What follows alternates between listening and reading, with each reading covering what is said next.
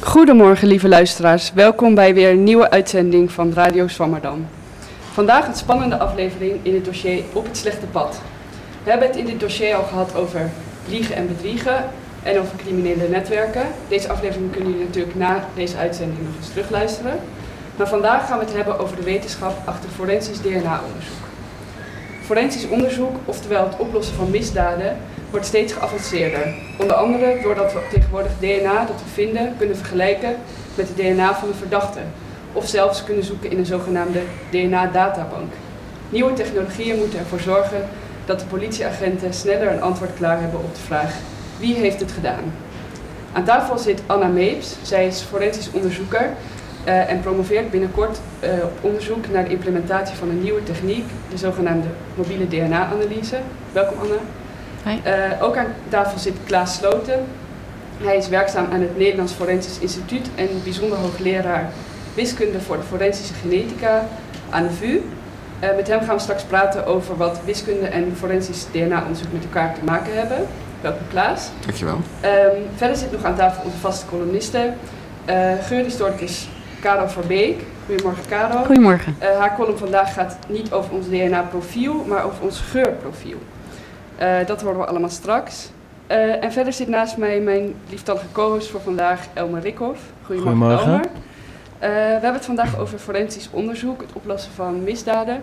Heb jij daar iets mee? keek je vroeger naar misdaadseries? Uh, nou, echt naar mis misdaadseries. Ik heb natuurlijk wel eens Baantje gekeken of uh, volgens mij Commissaris Rex. Dat is ook al heel lang geleden. Dus dat vond, ik toen wel leuk. Ik, ik kijk nu naar Narcos. Maar ja, waar, waar ik eigenlijk wel echt, echt in, geïnteresseerd ben, daar gaan we volgens mij aan het einde van het programma over hebben. Moeten we nou wel of geen DNA-databank?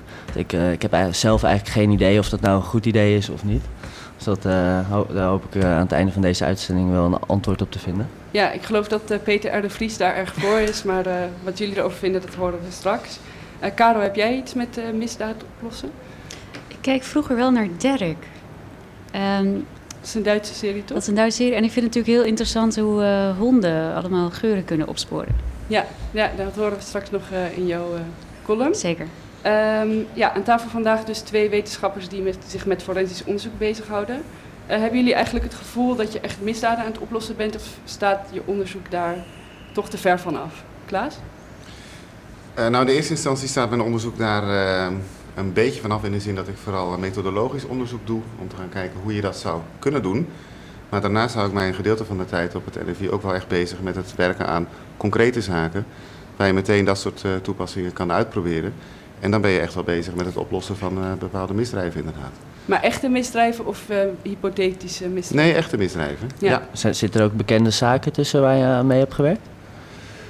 Uh, ja, die zitten daar wel bij. Ik denk dat. Uh, ik, ben, ik werk voornamelijk aan DNA-verwantschapsonderzoek. Dus niet zozeer het direct koppelen van sporen aan personen, maar het indirect via familieleden doen. Um, en dat zijn voor een deel zijn dat strafzaken, voor een deel zijn dat ook uh, identificatiezaken. Een bekende strafzaak, ik denk de eerste grote zaak die met DNA-verwantschapsonderzoek is aangepakt, is een zoektocht naar de moordenaar van Marianne Vaatstra. Dat is een zaak die nog wel veel mensen kennen. Mm -hmm. Die door grootschalig uh, DNA-verwantschapsonderzoek is opgelost.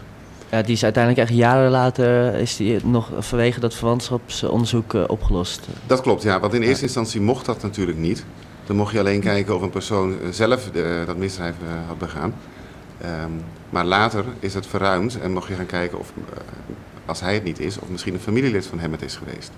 En op die manier is die zaak later uh, op een tweede keer heel grootschalig aangepakt door heel veel mensen uit te nodigen voor DNA-onderzoek. En ja. daar is uiteindelijk uh, de dader uit voortgekomen. Dat is eigenlijk wel een mooie reclame voor uh, DNA-verwantschapsonderzoek. Dat was wel een mooie reclame inderdaad, ja. ja. En um, Anna, heb jij het gevoel dat je misdaden aan het oplossen bent in je onderzoek? Of staat het dat hoop ik wel. Ik hoop dat ik daarin wel een steentje kan bijdragen. Maar het is niet zo dat ik uh, dagelijks met concrete zaken bezig ben. Dat niet. Ik werk wel echt heel nauw samen, of eigenlijk direct samen met de politie. En dus ook het Nederlands Forensisch Instituut. Uh, en dan met name om te kijken voor die nieuwe technieken. Hoe we dat nou uh, kunnen integreren. En hoe we daarmee eigenlijk het zaaksonderzoek kunnen optimaliseren. Dus op die manier hoop ik wel dat ik zeker mijn steentje naar bijdraag. Ja. En um, ja, voordat we het gaan hebben over jullie onderzoek, wil ik het graag eerst even hebben over uh, forensisch DNA-onderzoek in het algemeen, wat het nou precies betekent. Um, Klaas, kun je iets vertellen wat er gebeurt met een DNA-spoor dat op een plaatsdelict wordt gevonden? Ja, dat kan ik wel. Ehm, kijk, veel mensen denken misschien dat als je iemand zijn DNA hebt gevonden, dat je dan al het DNA van die persoon bekijkt. Maar dat is echt absoluut niet het geval. Kijk, ons DNA bepaalt natuurlijk uh, hoe wij eruit zien en hoe wij zijn opgebouwd en dat soort dingen. Maar een groot deel van het DNA heeft daar eigenlijk niets mee te maken. En forensische laboratoria kijken naar dat soort plekjes, die dus niet bepalend zijn voor iemand zijn uiterlijk of iemand zijn vatbaarheid voor ziektes of al dat soort dingen meer. Die eigenlijk helemaal niets te maken hebben met de biologie van die persoon. En, van dat en het zijn altijd dezelfde plekjes? Het zijn uh, binnen één forensisch laboratorium zijn het altijd dezelfde plekjes. En wereldwijd uh, zijn er een heleboel die door veel laboratoria worden bekeken. Maar het kan best zijn dat het ene laboratorium naar net wat andere plekjes kijkt dan het andere. Maar natuurlijk heeft het NFI een soort standaard DNA-onderzoek. En daarbij kijken we naar uh, eh, 15 plekken op het DNA. Uh, dat klinkt als eigenlijk vrij weinig, maar elk van die 15 plekken die zijn heel erg variabel. Dat wil zeggen dat er heel veel varianten in de bevolking in omloop zijn die iemand kan hebben op dat stukje DNA. En dat betekent dat uh, de zeldzaamheid van die 15 kenmerken samen echt bijzonder klein wordt. Dat wil zeggen dat het echt uh, bijna uniek wordt. Maar, maar kan het in theorie zo zijn dat uh, iemand een, exact hetzelfde DNA heeft als iemand anders in deze wereld? Uh, in theorie kan dat zo zijn. Ja, DNA-profielen zijn geen telefoonnummers waarbij wordt gekeken of het al in omloop is, zeg maar. Het is een ja. toevalsproces waarbij iedereen het van, van, zijn vader iets krijgt en van zijn moeder wat krijgt. En dat kan per toeval hetzelfde zijn. Maar hoe meer stukken DNA je bekijkt, hoe meer toeval er voor nodig is om te zorgen dat mensen toch hetzelfde DNA-profiel hebben. Dus je kan die kans daarop zo klein maken als je zelf wil. Ja. En in Nederland wordt, het, uh, wordt zo'n DNA-spoor altijd naar het Nederlands Forensisch Instituut gestuurd, toch? Of zijn er meerdere van dat soort? Uh, er zijn meerdere. Het NFI is geen monopolist, maar is wel in de praktijk eigenlijk een quasi-monopolist. Ja. En wat voor soort misdaden worden er opgelost met forensisch DNA-onderzoek? Anna? Verzin het maar. ik denk werkelijk allerlei soorten uh, onderzoeken. Ja, want wij denken, ik denk meteen aan een moordzaak. Ja, dat is altijd grappig, want dat is wat heel veel mensen dan meteen denken. Terwijl we maar, wat, wat zijn, pak een beetje 200 moorden per jaar hebben ongeveer. Wat zijn de cijfers, zoiets? Zoiets zal het zijn. En uh, daarvan wordt, uh, is eigenlijk gros, 80% wordt daarvan wel opgelost. Lang niet altijd door DNA. Uh, en ook bij dat soort zaken weten we vrij snel is er wel een indicatie van wie mogelijk de dader zou kunnen zijn. Zoals bijvoorbeeld inbraakzaken nemen, wat een groot probleem is in Nederland. We hebben ontzettend veel inbraken. Ik denk dat iedereen wel iemand kent die dat mee heeft gemaakt of wellicht het zelf een keer heeft meegemaakt. En daar is bijvoorbeeld DNA-onderzoek ook alweer een hele mooie uh, om zaken mee op te lossen. En, Wordt er daar ook voor gebruikt? Absoluut, ja. ja? Er zijn heel veel inbraakzaken die... Uh, daar zit ook eigenlijk een heel standaard proces omheen. Uh, uh, van politie tot NFI en terug, waarbij dat uh, geanalyseerd wordt. Ja. En dat wordt dan gedaan met behulp van de DNA-databank? Ja, dat wordt met behulp van de DNA-databank gedaan. Dus op het moment dat een rechercheur ter plaatse komt bij zo'n inbraakzaak en is daar een mooi spoor, zeg maar bijvoorbeeld een bloedspoor bij het inslaan van een ruitje, dan neemt de rechercheur dat mee, die bemonstert dat. Dan gaat die uh, nou ja, in een badge naar het Nederlands Forensisch Instituut meestal. Um, en daar analyseren zij het spoor. En dan uh, eigenlijk nou ja, bij zoveel piekjes bij een mooi spoor, dan uh, wordt die vergeleken met de DNA-databank. En zeker bij dit soort zaken is dat redelijk geautomatiseerd. Uh, en bij grotere zaken, waarbij je toch vaak ook te maken hebt met nou ja, ingewikkeldere sporen, krijg je complexere profielen. En daar heb je wel echt de DNA-deskundige voor nodig. Want is het uh, dus, dus niet per se nodig dat er echt een bloedspoor is of, uh, of iets om DNA te kunnen... Nee hoor, als ik nu mijn vinger hier op tafel neerleg, kan ik dat ook afnemen, bemonsteren. Ja. En dan krijg ik daar waarschijnlijk, nou ja, ik niet, maar uh, de collega's van het Nederlands Forensisch Instituut ook wel een DNA-profiel van. Ja, ik, dat, tegenwoordig met heel minimaal kan je al wat krijgen. Dat lijkt me dan best wel lastig, want je hebt natuurlijk, als, als, we deze tafel bekijken, dan zitten er misschien wel van duizend mensen ja, DNA op. dat klopt. Hoe ga je dan, dan filteren? Dat, dat is dus echt het het werk van de, uh, van de rechercheurs. Om daarin uh, te filteren, keuzes te maken, scenario's te vormen. Da daar rekening mee te houden. Want anders kunnen we werken natuurlijk wel een heel uh, plaatselijk kaal gaan halen en gaan analyseren. Maar dat zegt natuurlijk niks over wat er wel of niet gebeurd is en wie mogelijk de dader is. Dus je zal altijd daarin keuzes moeten maken. Ja. En uh, nog even over die DNA-databank. Hoe ziet dat er nou eigenlijk precies uit? Wie zit er daarin?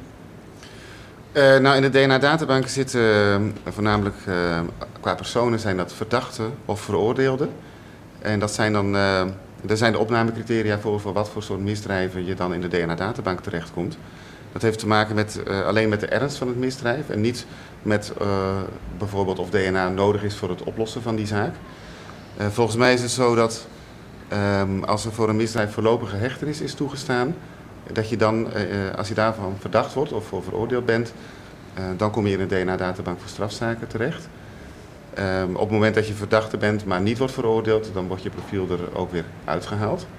En op het ogenblik zijn dat ongeveer 250.000 personen die, die op die manier in de databank voor strafzaken zijn terechtgekomen. Er komen jaarlijks zo'n 25 tot 30.000 bij. En aan de andere kant heb je natuurlijk de sporen. Ja. de sporen die bij een delict zijn veiliggesteld, zoals Anne al zei. Maar voor het delict geldt die, diezelfde bepaling niet. Dus je, je kan best een minder ernstig delict oplossen uh, met een mes in de DNA-databank, omdat iemand voor een ernstigere vergrijp is opgenomen, maar vervolgens toch ook in verband wordt gebracht met een minder ernstig delict, waar, waarvan wel een spoor is veiliggesteld. En blijkbaar zijn er dus veel, uh, zijn er dus mensen die voor een ernstig delict zijn opgenomen, die dan later misschien nog een inbraak gaan plegen. Ja, of, uh, of iets anders wellicht. ja. ja. Dat hoop ik niet, maar dat gebeurt. Daarom werkt de DNA-databank, helaas. Ja. En um, in de DNA-databank zit niet heel iemands DNA, toch? Uh, wat bedoel je? Kijk, als je bedoelt met heel iemands DNA in de zin van dat we helemaal kunnen uitlezen en jou zouden kunnen klonen? Nee, absoluut niet. Uh, die plekjes waar Klaas het net over had, dat zijn plekjes die zeggen helemaal niks van hoe jij of ik eruit ziet of hoe oud je gaat worden of dat je ziek gaat worden. Dat zeggen die plekjes waar we naar kijken, die zeggen daar niks over. Uh, dat zijn eigenlijk gewoon cijfertjes. Ja, dat soort plekjes ja. mogen ook helemaal niet nee. bekeken worden. Hè? Dus die plekjes zijn er spe speciaal uitgezocht, uh, zodat ze daarover geen informatie geven. Dus dat is een deel van het DNA dat niks zegt over hoe wij eruit zien. Ja, ja precies. Ja, dus die, dat die angst van die privacy waar mensen dan over hebben. Van ja, mm. ze kunnen straks alles van me zeggen. En zoals jij al voor de uitzending even zei, uh, wat is een verzekeringsmaatschappij daar uh, zijn hand op leggen. Ja, daar kan een verzekeringsmaatschappij helemaal niks mee. Ik bedoel, een, een vingerafdruk, daar doen we helemaal niet moeilijk over met z'n allen. Zo moet je het zien. Het is eigenlijk gewoon een, een, een afdruk, het is een patroon. Alleen dan nu in de vorm van cijfertjes. Alleen hebben we er dan ook eventjes eerst wel een stukje biologisch materiaal voor nodig. Maar ja, dat is met je vingerspoor idem dito. Ja, maar, maar jij zei al zo even van... Uh, uh, we kijken heel specifiek naar bepaalde aspecten... zodat we niet te veel kunnen aflezen. Maar, maar zou je in theorie, uh, als, als je het zou willen... zou je wel, dan wel heel veel kunnen aflezen aan het DNA? Of is dat ook... in, principe, in principe kan dat, maar niet met de, met de apparatuur die op het Forensisch Instituut staat. Bedoel, er zijn natuurlijk ook genetische onderzoeken die uitgevoerd worden. Daarmee kunnen we zien of iemand natuurlijk een bepaalde ziekte heeft. Dat is ja. natuurlijk heel waardevol onderzoek. Dat zouden wij in theorie met al dat materiaal wat we krijgen wel kunnen doen. Maar dat kunnen we niet daar op dat lab. Die apparatuur die zijn daar niet voor. Dat is, is het niet voor. Het is niet alsof we dat gaan bewaren om dat nog ergens anders heen te sturen. Nee. Ja. Het gaat om een belangrijke moord die opgelost moet worden. Wat weerhoudt dan, uh, behalve het gebrek aan apparatuur, jullie om onderzoek te doen naar die plekken die wel meer kunnen vertellen over wie iemand kan zijn, wie de dader kan zijn. Maar wat, wat zouden we dan precies, waar nou, zit je aan te denken dan? Jullie zeggen, we kijken alleen naar bepaalde uh, plekken. Ja. En niet naar de plekken die iets zeggen over uiterlijk. Maar is dat wel mogelijk?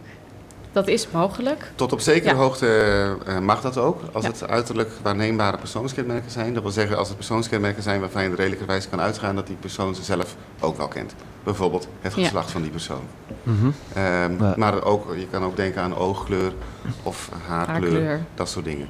Daar, daar zijn uh, soms merkers voor die daar voorspellende waarde voor hebben. En op die manier kan je een klein beetje informatie achterhalen over die onbekende persoon.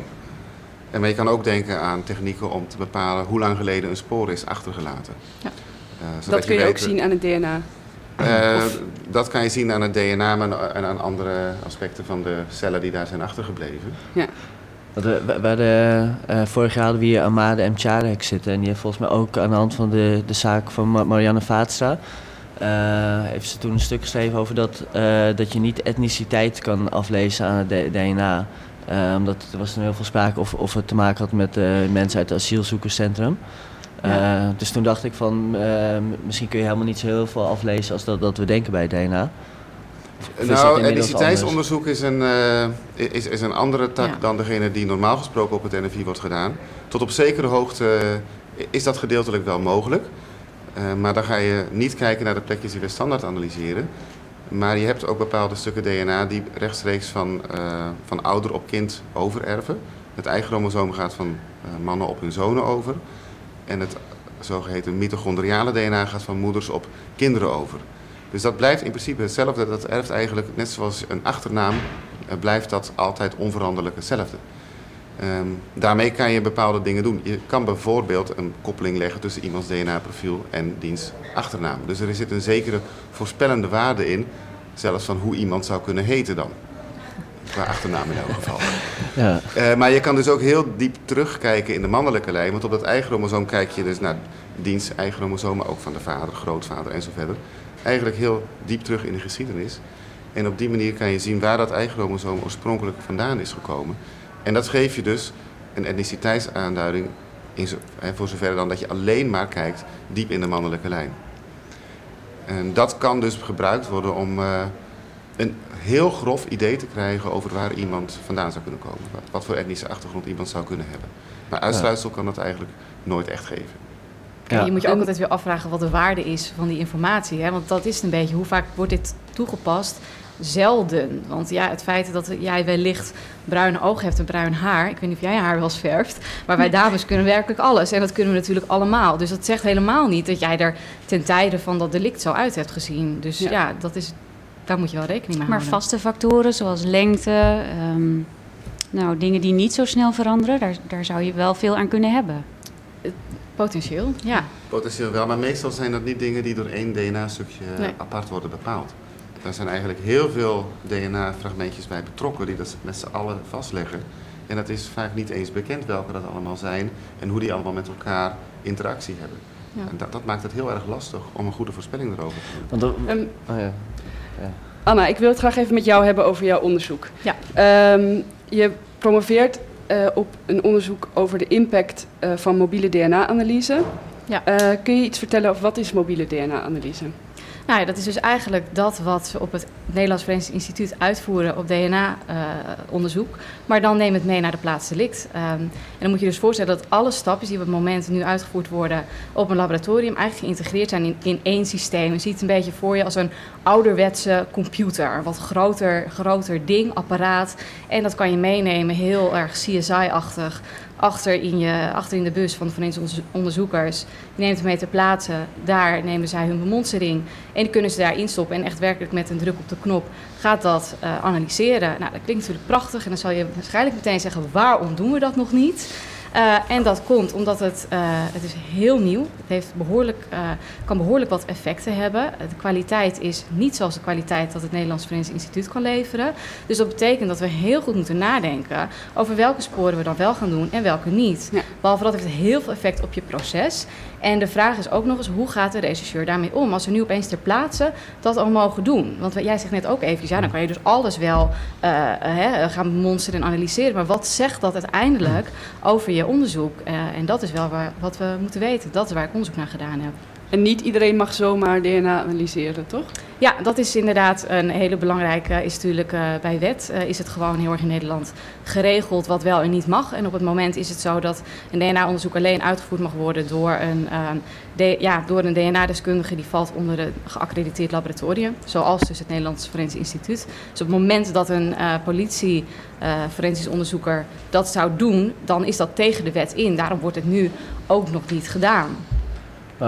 Uh, nou, wat ik wilde zeggen is, kijk, wat er natuurlijk wel zo is, is dat uh, we gaan vooruit in de tijd. Dat zie je nu ook. We kunnen verwantschaps-DNA-onderzoek doen, we kunnen naar uh, kenmerken kijken. Uh, maar dit is ook een ontwikkeling. Techniek wordt beter, het gaat sneller, het wordt geavanceerder. Dus dit zal echt de toekomst zijn. Dat een stukje, en daarbij wil ik echt de nadruk leggen, echt een stukje van het onderzoek zal uitgevoerd gaan worden door de politie. En daarmee zal het niet volgend jaar zijn, dat zal jaren duren. Maar die ontwikkeling is ook gaande, want het is vrij routinematig. En dan kan toch het Nederlands Forensisch Instituut zich richten op de, nou ja, de wetenschap. Maar de wet moet eerst veranderen voordat deze. Dat hangt vanaf echt... hoe we het proces inrichten. Ja. ja. Je kan het natuurlijk ook zien als een combinatie. Dat je bijvoorbeeld wel, uh, nou ja, bijvoorbeeld DNA-analisten van het NFI koppelt uh, um, aan de politie. Nou ja, dat zijn manieren om daarover na te denken. Ja, er zijn verschillende soorten oplossingen. En wat zijn dan uh, volgens jou uh, op dit moment uh, ideale situaties om wel DNA toe te passen? En wat, wat zijn dan situaties waarvan je zegt, de, laten we daar alsjeblieft niet doen? Je bedoelt als in een, een plaatsdelict? Ja, of... ik denk dat het heel erg moet afhangen van het type spoor. Um, kijk, lang niet op elke plaats delict heb je DNA-materiaal. En ook niet DNA-materiaal dat geschikt is voor zo'n techniek. Op het moment zal zo'n techniek alleen maar klassieke sporen aankunnen. Dus denk aan bloedsporen, uh, speekselsporen, waar toch wel zeer uh, sterk het vermoeden is dat daar uh, een redelijke hoeveelheid speeksel op zit. Dus DNA-materiaal. Maar zoals aanraaksporen gaan we daar niet op doen. En ik denk dat we met name daarnaar moeten kijken. En ook naar wat is de ernst, wat is de tijd? Loopt de dader nog vrij rond? Het is belangrijk dat we snel iemand opsporen. en hebben we mooi materiaal. Ja, waarom zou de politie dat niet zelf kunnen doen? En is DNA, is, is die techniek eigenlijk nog redelijk kostbaar, waardoor je heel goed moet nadenken over wat je wel en niet gaat doen? Of kunnen we gewoon zoveel erin stoppen als we willen en dan zien. Nou ja, ik bepaal niet uh, over de geldstromen hier in Nederland wat er naar politie uh, gaat. Maar uh, het is, op het moment is het een ja, duurdere techniek. maar dat, hangt er, dat is al behoorlijk aan het afnemen. Want behalve in Nederland wordt het echt al toegepast. Er zijn al veel landen die het gebruiken. Dus het wordt ook steeds goedkoper en het wordt dus steeds geavanceerder. maar tot op heden is het wel ietsjes duurder. Ja. En um, je hebt een onderzoek gedaan waarbij uh, de ene politie, als ik goed heb begrepen, de ene politieagenten wel een apparaat ja. meekregen en de andere niet. En ja. die ja, naar dezelfde soort um, plaatselijk gingen, denk ik. Wat, wat gebeurde er tijdens dat? Uh, ja, we hebben dus inderdaad een uh, plaatselijk nagebootst. Um, en daarmee konden we heel mooi uh, alle regisseurs observeren, omdat we overal camera's en geluid hadden. Maar zij toch het gevoel hadden dat ze echt naar plaatselijk gingen. En we dus heel mooi exact dezelfde plaatsen konden uitzetten. En we hadden een gewelddadige overval uitgezet. Waarbij het slachtoffer uh, wel nog in leven was, maar niet aanspreekbaar en in het ziekenhuis lag.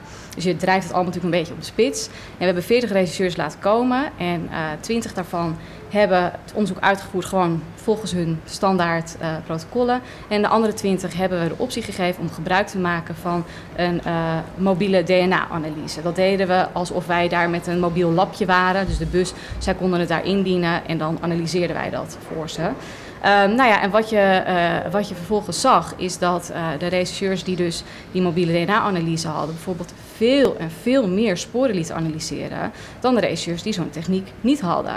Ja, dat is natuurlijk wel een interessant gegeven, want wat moeten we daarmee? Dat, dat kan niet. We kunnen niet zoveel sporen allemaal maar gaan analyseren. Het moet dus nog wel te maken hebben met, uh, met je zaak, met je scenario en wellicht wat we daarin kunnen sturen. Van nou, doe even een stapje terug. Maak eens je plan van aanpak. Denk goed na. Welke sporen wel, welke niet. Het andere wat ons uh, opviel is dat ze alle typen sporen erin deden. Dus van hele minimale DNA-sporen tot succesvolle DNA-sporen. Maar juist die minimale wil je daar niet in hebben. Want dat is een beetje het punt met de techniek. Hij is minder gevoelig, uh, echt een stuk minder gevoelig. En op het moment dat je er een spoor in doet, kan je dat stukje wat geanalyseerd is niet meer opnieuw analyseren. Ja. En dat moet wel mogelijk blijven. Dus eigenlijk doordat, ze, uh, doordat die techniek zo voorhanden was, waren ze minder nadenkend over wat, wat ze wel en Nou, nadenkend wil ik nog niet, dat wil ik niet zo concluderen. Maar uh, ze waren gewoon geneigd om alles, alles te gaan analyseren. Um, en wat, wat vertelt je dat op zo'n moment? Het is best wel zonde. We hadden een aantal keer wat er gebeurde, is dat iemand een spoor liet analyseren met een mobiele analyse. En kregen ze na uh, een half uur kregen ze resultaat teruggekoppeld. In de tussentijd kan de regisseur gewoon verder met zijn onderzoek. Die had vervolgens het scenario dat uh, het slachtoffer wel eens thuisgekomen kon zijn en toen overgevallen was. Het ging om een sleutel die hij liet analyseren, die in de deur zat. En hij dacht eerst, nou dat zal dan wel van de dader zijn, dus hup meteen analyseren. Vervolgens wordt hij gebeld uit het ziekenhuis van een collega. Hè, dat slachtoffer werd overvallen toen hij thuis kwam. Toen dacht hij, nou, die sleutels had ik dus niet hoeven laten analyseren. Dat had ik niet snel hoeven analyseren.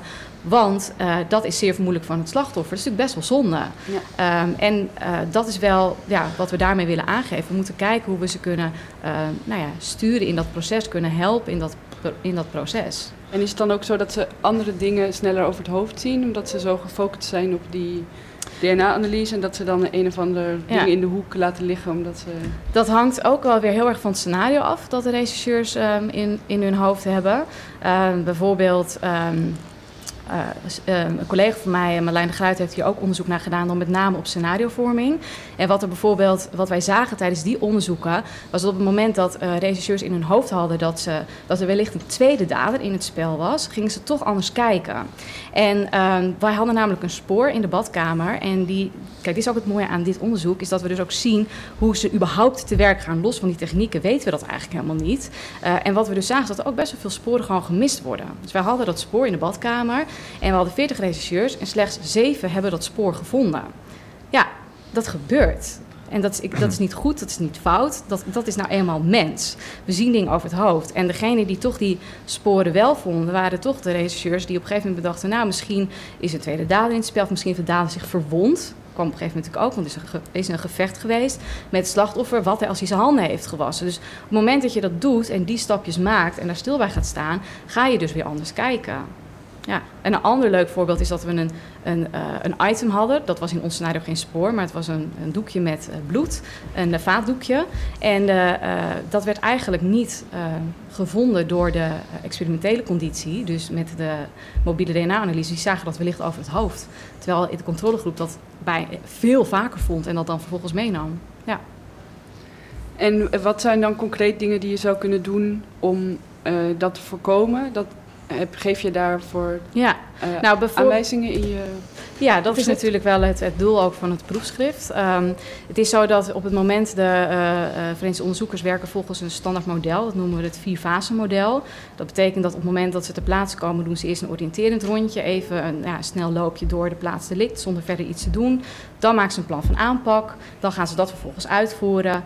Dan doen ze nog één laatste ronde, nemen ze alles mee en dan gaan ze naar huis. Even heel kort door de bocht, is dat hoe het gaat. Dat is natuurlijk niet houdbaar op het moment dat je zo'n mobiele DNA-analyse hebt. Want op het moment dat je naar eh, die plaats delict gaat en je ziet al in je oriëntatie dat daar een spoor ligt en je hebt het idee dat dat hè, daden gerelateerd is, dan wil je dat meteen gaan inzetten. En dat is ook wat wij zagen. Zij deden in hun oriëntatiefase, gingen ze al sporen inzetten. En dat is natuurlijk waar we ze wel degelijk in kunnen, eh, kunnen opleiden, in kunnen, in kunnen begeleiden. Dat dus dat model op dat mom- moment aangepast zal moeten worden. Want ik kan me ook wel voorstellen, het is natuurlijk een relatief nieuwe techniek. Ehm, ja, dat het ook gewoon een beetje uitvinden is voor de politie Ja. zelf en voor jullie van hoe eh, kunnen we dat op de beste Ja. manier toepassen. Precies. En dat wil je dus niet uitvinden met echte zaken. Eh, liever niet. Nee. Dat, eh, ja. Ja, dus vandaar dat wij dus dit soort onderzoeken uitvoeren om te kijken hoe we daarin kunnen begeleiden. En toen ik je voor de uitzending sprak, zei je dat er eigenlijk, ondanks veel nieuwe technieken, helemaal niet meer de misdaden worden opgelost. Eh, hoe komt dat eigenlijk? Eh, nou, ik weet niet zeker of het per se meer misdaden opgelost worden. Maar als je kijkt naar het aantal sporen, ja, het rendement eh, van sporen dat leidt tot, tot überhaupt een profiel van matches is. ehm, ja, ik geloof bijvoorbeeld van de minimale sporen wordt 40% levert geen match op. Oftewel, er zit eigenlijk gewoon geen DNA in het spoor. Dat betekent dus dat er materiaal wordt meegenomen waar niks in zit. Als je puur naar dat soort cijfers gaat kijken, dan eh, ja, is het rendement niet super hoog in vergelijking met hoe we het jaren terug deden. Maar dan had je wel bloed nodig, de grootte van, eh, wat is het, een munt, om überhaupt een eh, analyse uit te kunnen voeren. Maar dan had je wel zeker een DNA-profiel.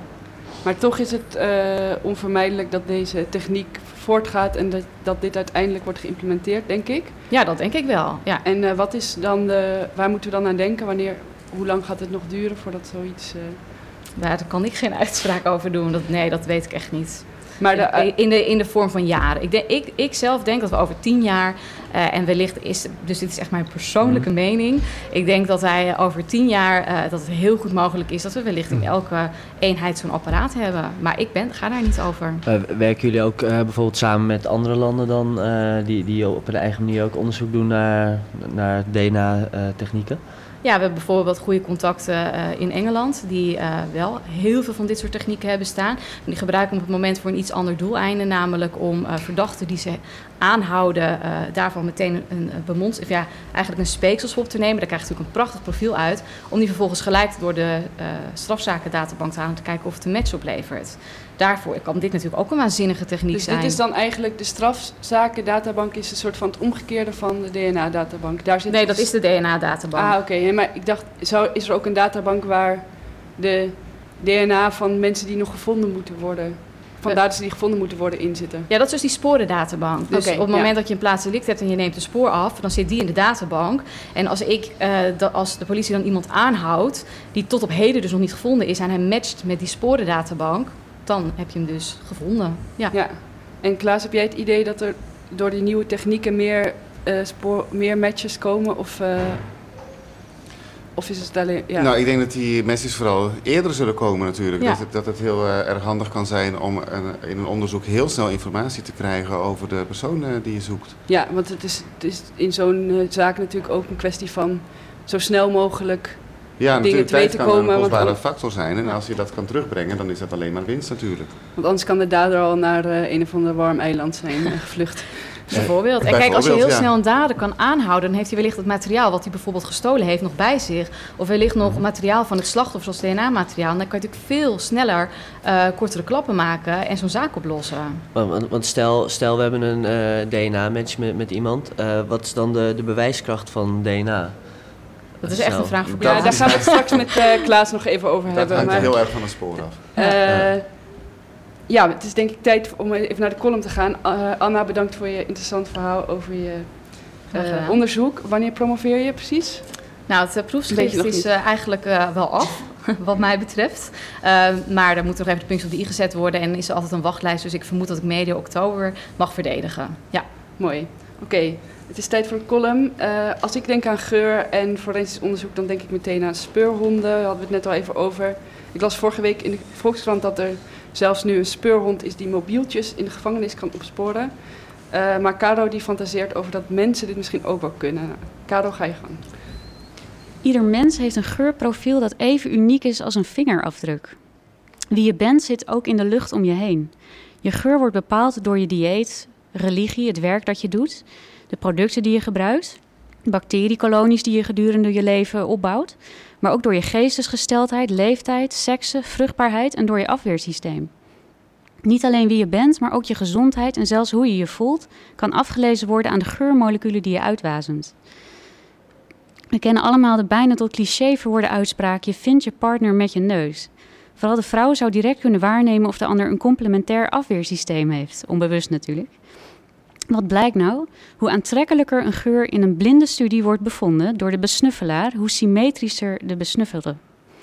Er bestaat zelfs zoiets als een familiegeur.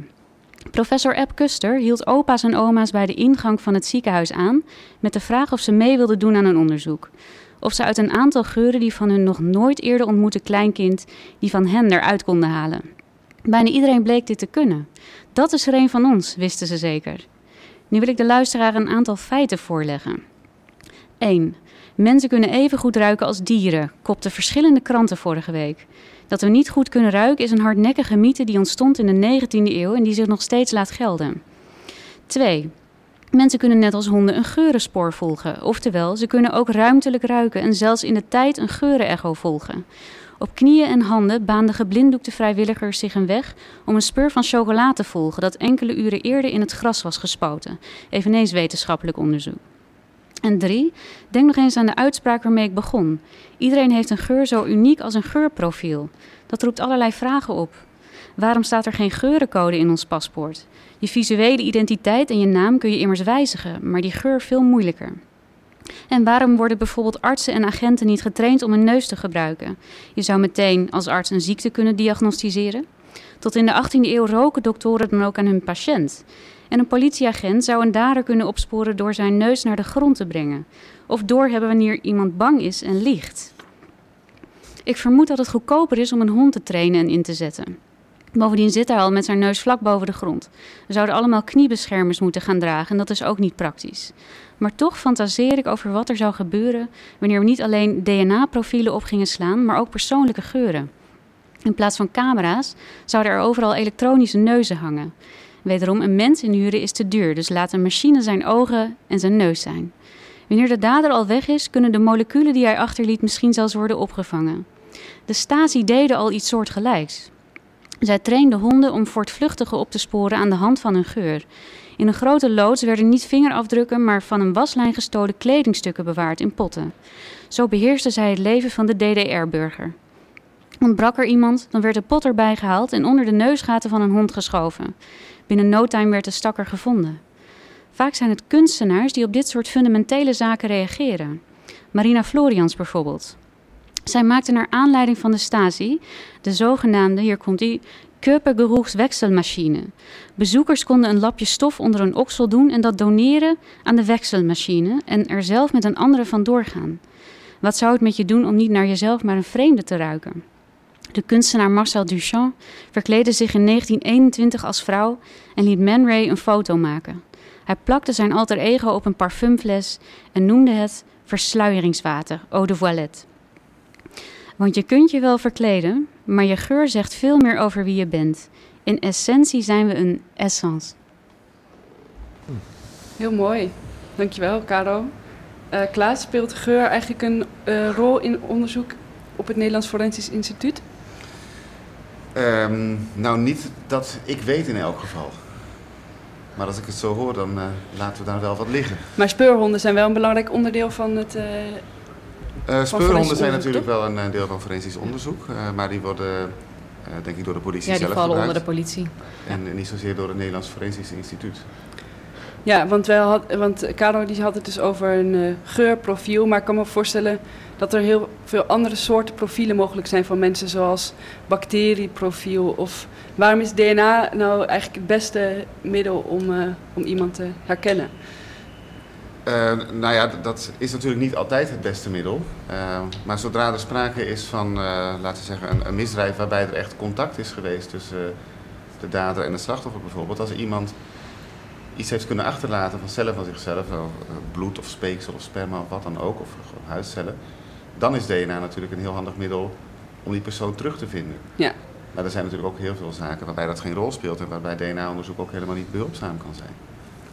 Maar ik had nog vragen aan jou, Caro. Uh, klopt het echt dat, uh, dat je aan, hoe beter iemand ruikt, hoe symmetrisch hij, hij, hij, is? Ja, want je symmetrie zegt ook iets over je gezondheid en je afweersysteem. En je kan iemands afweersysteem ruiken. Tenminste, vrouwen kunnen dat, onbewust, binnen een microseconde. En dan heb je het over de symmetrie van, van het gezicht? En, uh... Ja, van het hele lichaam. Want asymmetrie kan natuurlijk duiden op ziektes. Okay. Maar even, hoe dichtbij moet je daarvoor bij elkaar zijn? oh, dat kan echt op uh, best wel een grote afstand. En dat komt ook door parfum. Want wij denken dat parfum versluiert. Dat is niet waar. In parfum zitten allerlei stoffen die lijken op onze lichaams-eigen geurstoffen. En die, zet, die zetten eigenlijk de volumeknop open. Dus een parfum wat jij draagt versterkt jouw lichaamsgeur in plaats van dat het het versluiert. Hmm. Ja, dat kan heel ver zijn. Ja, dat, uh, um, goed, om, uh, goed om te weten. Ja. We gaan het weer even hebben over uh, forensisch onderzoek. Uh, Klaas, ik wil graag even hebben over jouw onderzoek. Uh, jij bent um, hoogleraar, of bijzonder hoogleraar wiskunde voor de forensische genetica.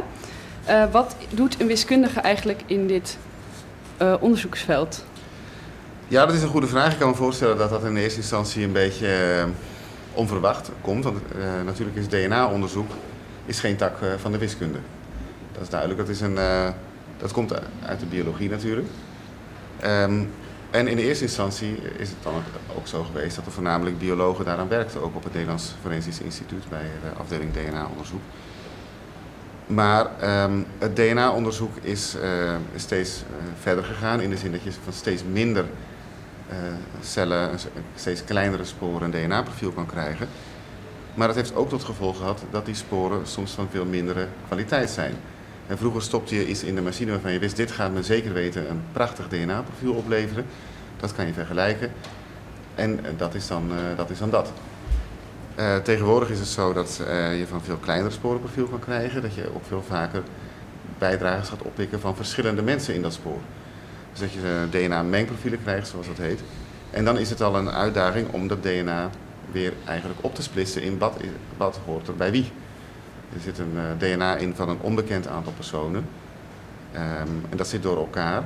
Dat betekent dat het ook minder onderscheidend is, want het is veel makkelijker dat iemand per toeval past in zo'n mengprofiel dan dat hij per toeval precies hetzelfde enkelvoudige DNA-profiel heeft. Um, dus daar komt eigenlijk kansrekening bij kijken om te bepalen hoe, hoe, sterk de aanwijzing is dat iemand ook daadwerkelijk heeft bijgedragen aan het spoor. En vervolgens ook nog de delictgerelateerdheid, die kan je ook proberen te modelleren uh, met kansberekening. Dus uiteindelijk komt er op allerlei niveaus komt er uh, statistiek kansrekening bij kijken. Uh, statistiek komt bijvoorbeeld kijken bij ja, hoe zeldzaam is zo'n DNA-profiel nou eigenlijk. En wij weten natuurlijk niet wat iedereen heeft. Als we dat zouden weten, dan zouden we die statistiek eigenlijk niet meer nodig hebben, want dan kan je het allemaal gewoon opzoeken. Ja. In een, een soort omvattende DNA-databank met iedereen erin. Dat is niet zo, dus we gebruiken een, uh, een steekproef van de Nederlandse bevolking. Waaruit we halen hoe vaak DNA-kenmerken voorkomen. Maar natuurlijk weet je nooit zeker hoe, uh, hoe vaak dat is. Dus wat hier ook eigenlijk bijzonder aan is, is dat je te maken hebt met um, bepaalde bronnen van onzekerheid. Maar dat je die onzekerheid eigenlijk niet ten nadele van de verdachte wil laten komen. Wat je vooral niet wil, is dat je bewijs per ongeluk sterker inschat dan het in werkelijkheid is, uh, door je eigen onwetendheid. Je zou eigenlijk een, uh, wat, er, wat je zeker weet wat erin zit, wil je eruit halen. En waar je over twijfelt, dat wil je gunnen aan de verdachte. Maar ook weer niet te veel natuurlijk. Want, Ja. want, want hoe gaat het dan? Stel, er, er is dan een, een rechtszaak en dan er is een bepaald DNA-spoor. Zijn het dan onafhankelijke wiskundigen de- die, die het alleen recht hebben om een advies uit te brengen na- naar de rechter toe? Of, eh, Nou, die rapporten worden opgesteld door een eh, DNA-deskundige door, van een ja, geaccrediteerd eh, laboratorium. Ehm, meestal is dat in Nederland het, eh, het NFI. Maar natuurlijk kan er worden verzocht om een contra-onderzoek. En dan zal een ander laboratorium met een andere DNA-deskundige daar ook naar gaan kijken. En die kan best weer net wat andere methoden erop nahouden, net wat andere software gebruiken. En daardoor op een net wat ander getal uitkomen dan de eerste deskundige. Dat kan. Want de wiskunde die je doet, die is, wordt voornamelijk gebruikt voor software. Ehm, ja, ja, eigenlijk wel. Het is niet zo dat jij, dat, jij een, dat jij een rapport onder handen krijgt voor een of andere rechtszaak en daar je wiskundige expertise op moet loslaten. Of, is- Nou, beide natuurlijk, want eh, ik denk erover na hoe je nog meer informatie uit die, uit die DNA-profielen kan halen. En dan met name die DNA-profielen die van slechte kwaliteit zijn. Eh, hoe je eigenlijk met kansberekening zoveel mogelijk kan zeggen over hoe dat spoor tot stand is gekomen. En eh, wat een vergelijking met een bepaalde persoon dan betekent in termen van eh, hoe sterk de aanwijzing is dat die persoon heeft bijgedragen daaraan. Eh, dus aan de ene kant is dat het ontwikkelen daarvan, maar ook gelijk natuurlijk het eh, implementeren daarvan. Ja. En het vervolgens ook eh, toepassen in, in, in zaken. En wat zijn bekende wiskundige fouten die, of misvattingen die worden gemaakt in de rechtszaal? Nou, dat is wel eh, interessant aan kansrekening, vind ik. Het is iets waar je intuïtie je heel snel mee op het verkeerde been kan zetten. Eh, waardoor mensen eigenlijk heel sterk een overtuiging kunnen gaan krijgen die gewoon niet juist is. Ja, een heel eh, eh, leuk voorbeeld, wat eigenlijk niks met DNA-onderzoek te maken heeft, dat drie deuren probleem, het Monty Hall probleem. Dat je achter drie deuren, één daarvan staat een mooie prijzenauto en achter twee deuren staat een geit. en dan mag je er één deur kiezen en vervolgens maakt de presentator een andere deur open met een geit erachter. En ze vraagt, blijf je bij jouw deur of ga je wisselen? Nou, daar hebben mensen zich verschrikkelijk druk over gemaakt. En er waren zowel mensen die vonden dat het heel erg duidelijk was dat je zeker niet moest wisselen als mensen die zeker wel wisselen uh, vonden. En die gingen elkaar echt te vuur en te zwaar te bestrijden. ja. Ja. Uh, bij uh, DNA-onderzoek is het eigenlijk... Wie het antwoord zo. weet mag het even e-mailen naar radioswammerdam.gmail.com. Ja, ga verder. Die kansjes die daar, daarbij worden gerapporteerd zijn vaak zo klein... dat je daarbij je intuïtie een beetje in de steek laat. En dan wordt er bijvoorbeeld gerapporteerd dat uh, een persoon kan hebben bijgedragen aan een, een DNA-spoor. En dat de kans dat een willekeurige persoon daarmee matcht bijvoorbeeld 1 op 1 miljoen is. En daaruit wordt dan geconcludeerd, vaak onbewust, dat de kans dat die persoon daar niet aan heeft bijgedragen, dat die kans 1 op 1 miljoen is. Maar dat is helemaal niet wat een DNA-deskundige heeft gezegd. Die zegt eigenlijk alleen maar wat voor fractie van de bevolking ervoor in aanmerking zou kunnen komen. En dat betekent niet zo, zozeer wat de kans is dat die betreffende persoon dat gedaan heeft. En dat soort dingen kan je vaak wel beter zien als je die kansen niet zo verschrikkelijk klein maakt. Maar als je uitgaat van een enigszins hanteerbare kans. Dus als je bijvoorbeeld kijkt, DNA werkt eigenlijk net zoals bloedgroepen. Je kan het eigenlijk conceptueel zien als een heleboel bloedgroepen die je tegelijk bepaalt. En die niet alleen in je bloed zitten, maar die overal zitten. Um, maar als je kijkt naar een bloedgroep, dan zou je bijvoorbeeld kunnen bepalen, ja, we hebben een match op een bloedgroep. Een kwart van de bevolking heeft uh, die bloedgroep ook. En dan, dan, dan, zie je wel dat je niet kan concluderen dat de kans dat die verdachte dat niet heeft gedaan, dat die een kwart is. Dus als ik het goed begrijp, moet je uh, met, met DNA-matches altijd de context uh, erbij pakken om, om echt te kunnen weten of, of het waardevol is of niet. Dat klopt, ja, ja, dat geldt eigenlijk voor elk soort bewijs, maar uh, uiteraard ook voor DNA-bewijs. Je moet elke keer, je krijgt eigenlijk een bepaalde hoeveelheid informatie en die moet je combineren met de informatie die je al had. En dat samen geef je een overkoepelend beeld van hoe sterk die, die zaak tegen die verdachte is. Maar die DNA-match op zichzelf, die kan dat niet doen. Die Ja. kan alleen zeggen hoeveel sterker je zaak wordt met die match dan dat die was zonder die match.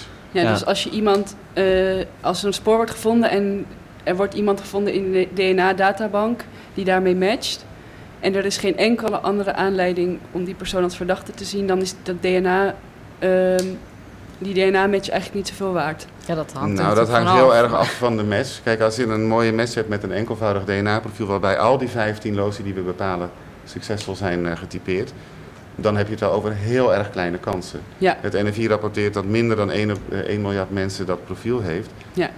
Maar dat is gemakshalve is dat afgekapt op 1 op een miljard. Per profiel is dat verschillend, maar dat zit eigenlijk nog wel een factor miljard kleiner minimaal. Dus we hebben het eerder over 1 op de 100 miljard, miljard of zoiets. Maar dan moet je nog steeds natuurlijk naar de context van de zaak kijken. Want Ja. wat voor spoor is dat dan?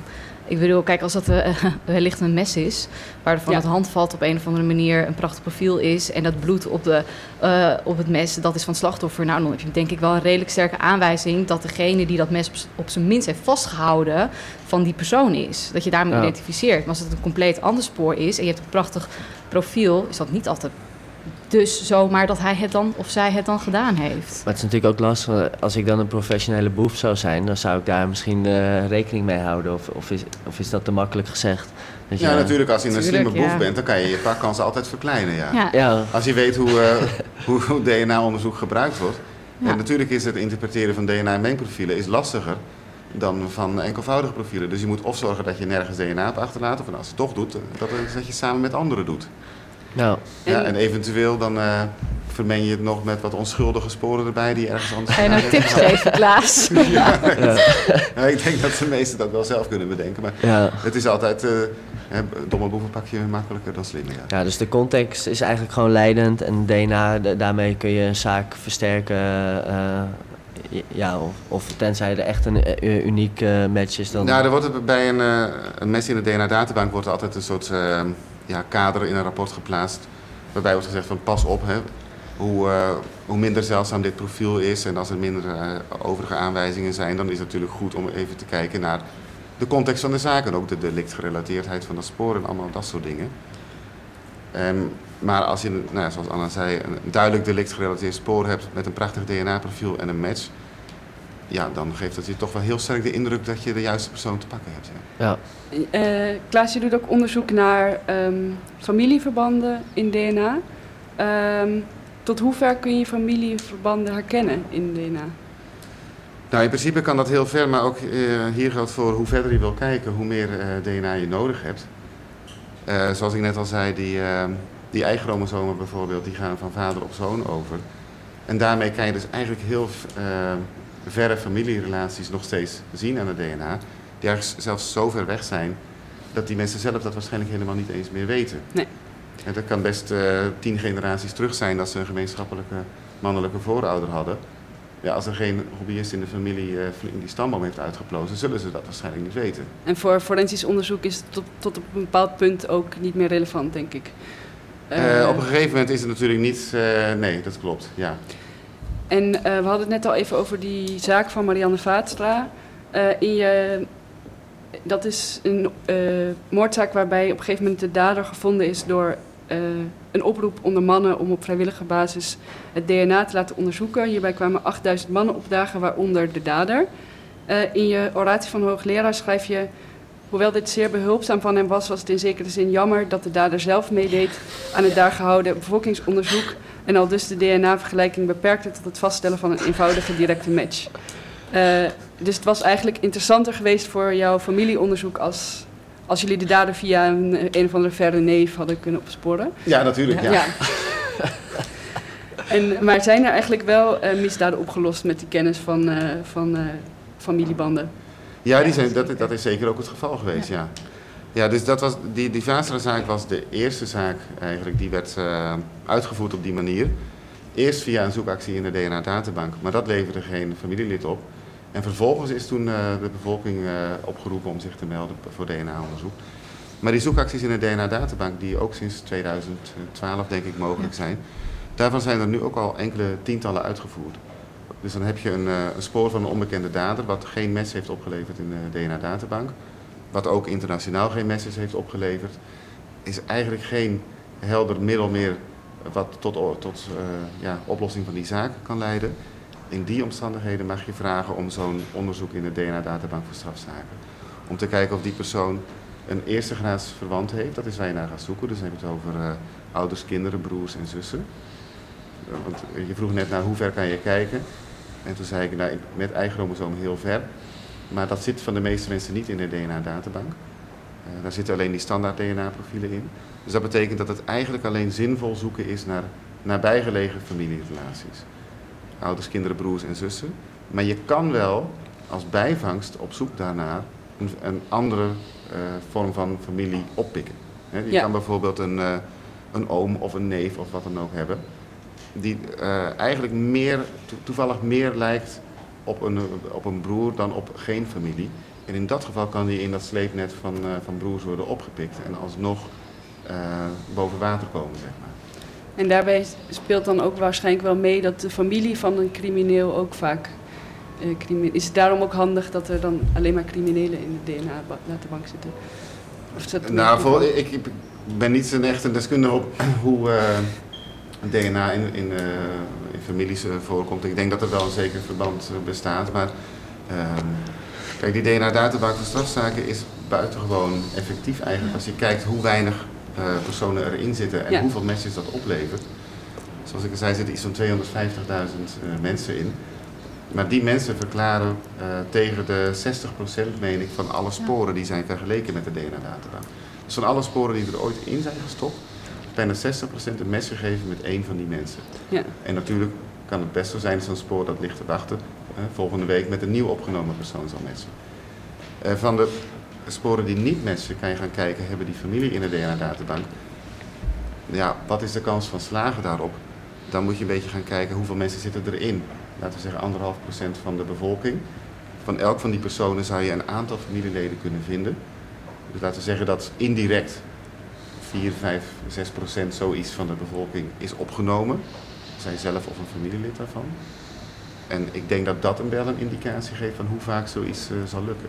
Ja. Tot nu toe denk ik dat dat ietsje hoger ligt, want ik, ik, ken die aantallen niet precies, maar ik denk dat we een keer of vijf van de dertig ongeveer inderdaad uh, een verwant op het spoor zijn gekomen via die zoekactie in de DNA-databank.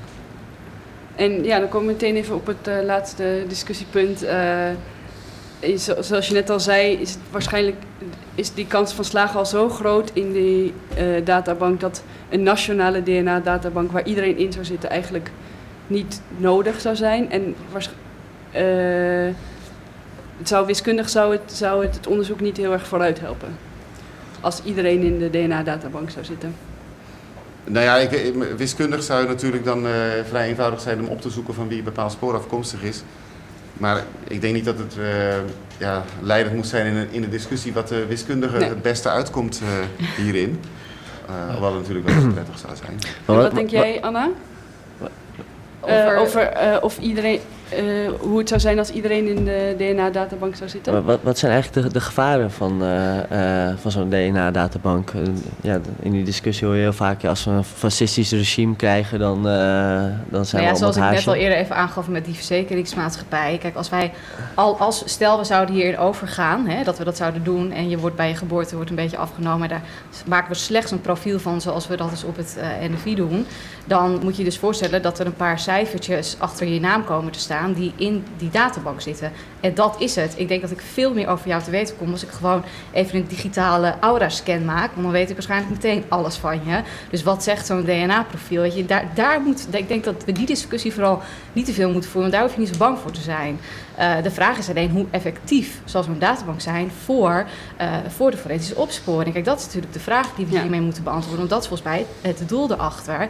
Kijk, en zoals we net al aangaven, als, je, als jij al 60 sporen meeneemt van een plaats delict. En je gaat die allemaal door die databank gaan we dus 60 matches krijgen. Ja. Nou, volgens mij hoef ik niet uit te leggen hoe ongelooflijk veel recherchewerk dat is. En dan hebben we nu uh, politieorganisatie, hoeveel mensen werken er? 50.000 mensen? Nou, doe nog maar een keer, keer 60 dan, om maar wat te zeggen. En hoe gaan we dat dan bijhouden? Ik denk dat dat veel consequenties heeft. Daarmee zeg ik niet dat ik voor of tegen een databank ben, maar ik denk wel dat dat soort punten, ik ben wetenschapper, echt heel goed uitgezocht moeten worden.